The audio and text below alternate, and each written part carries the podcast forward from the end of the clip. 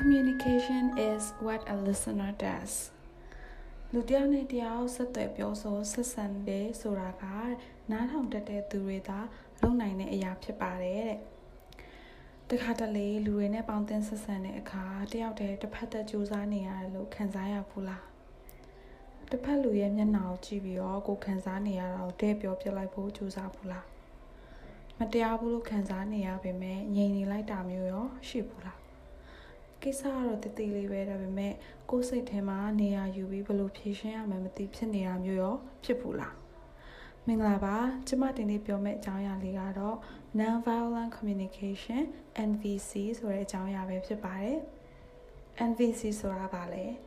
NVC ဆိုတာလုပ်ငန်းခွင်ပြောဆိုဆက်ဆံမှုမှာရောနေ့စဉ်ဘဝမှာပါကျင့်သုံးတဲ့ lifestyle တစ်ခုဖြစ်တဲ့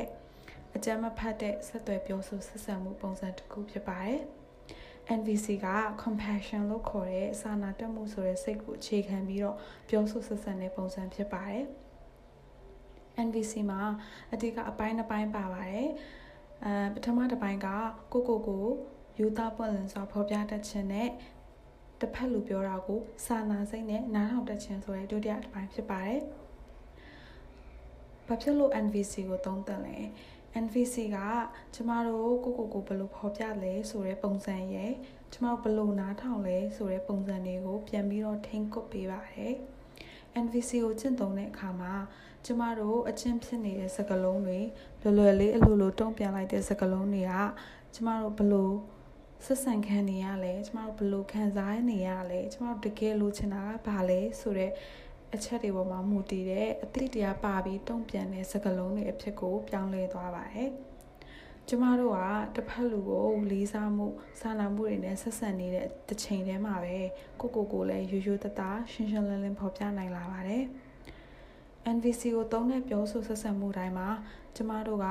ကိုယ်တိုင်ရောတစ်ဖက်လူကိုရောပို့ပြီးနှက်ဆိုင်တဲ့နေရာကနေသူတို့တကယ်လိုအပ်နေရပါလဲကိုတကယ်လိုအပ်နေရပါလဲဆိုတာကိုနားထောင်တက်လာပါတယ်။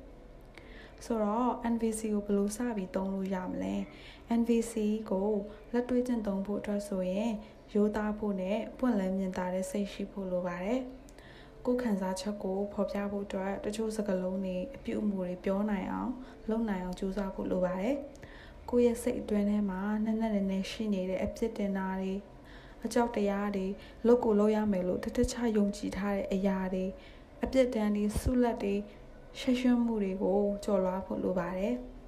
NVC ကိုကျင့်သုံးဖို့အတွက်အရေးကြီးတဲ့အဆင့်၄ဆင့်ရဲ့ NVC နဲ့ပတ်သက်တဲ့တခြားအကြောင်းအရာတွေကိုအပိုင်းနှစ်မှာထပ်ပြောပြပေးမယ်နော်အားလုံးတရားမင်္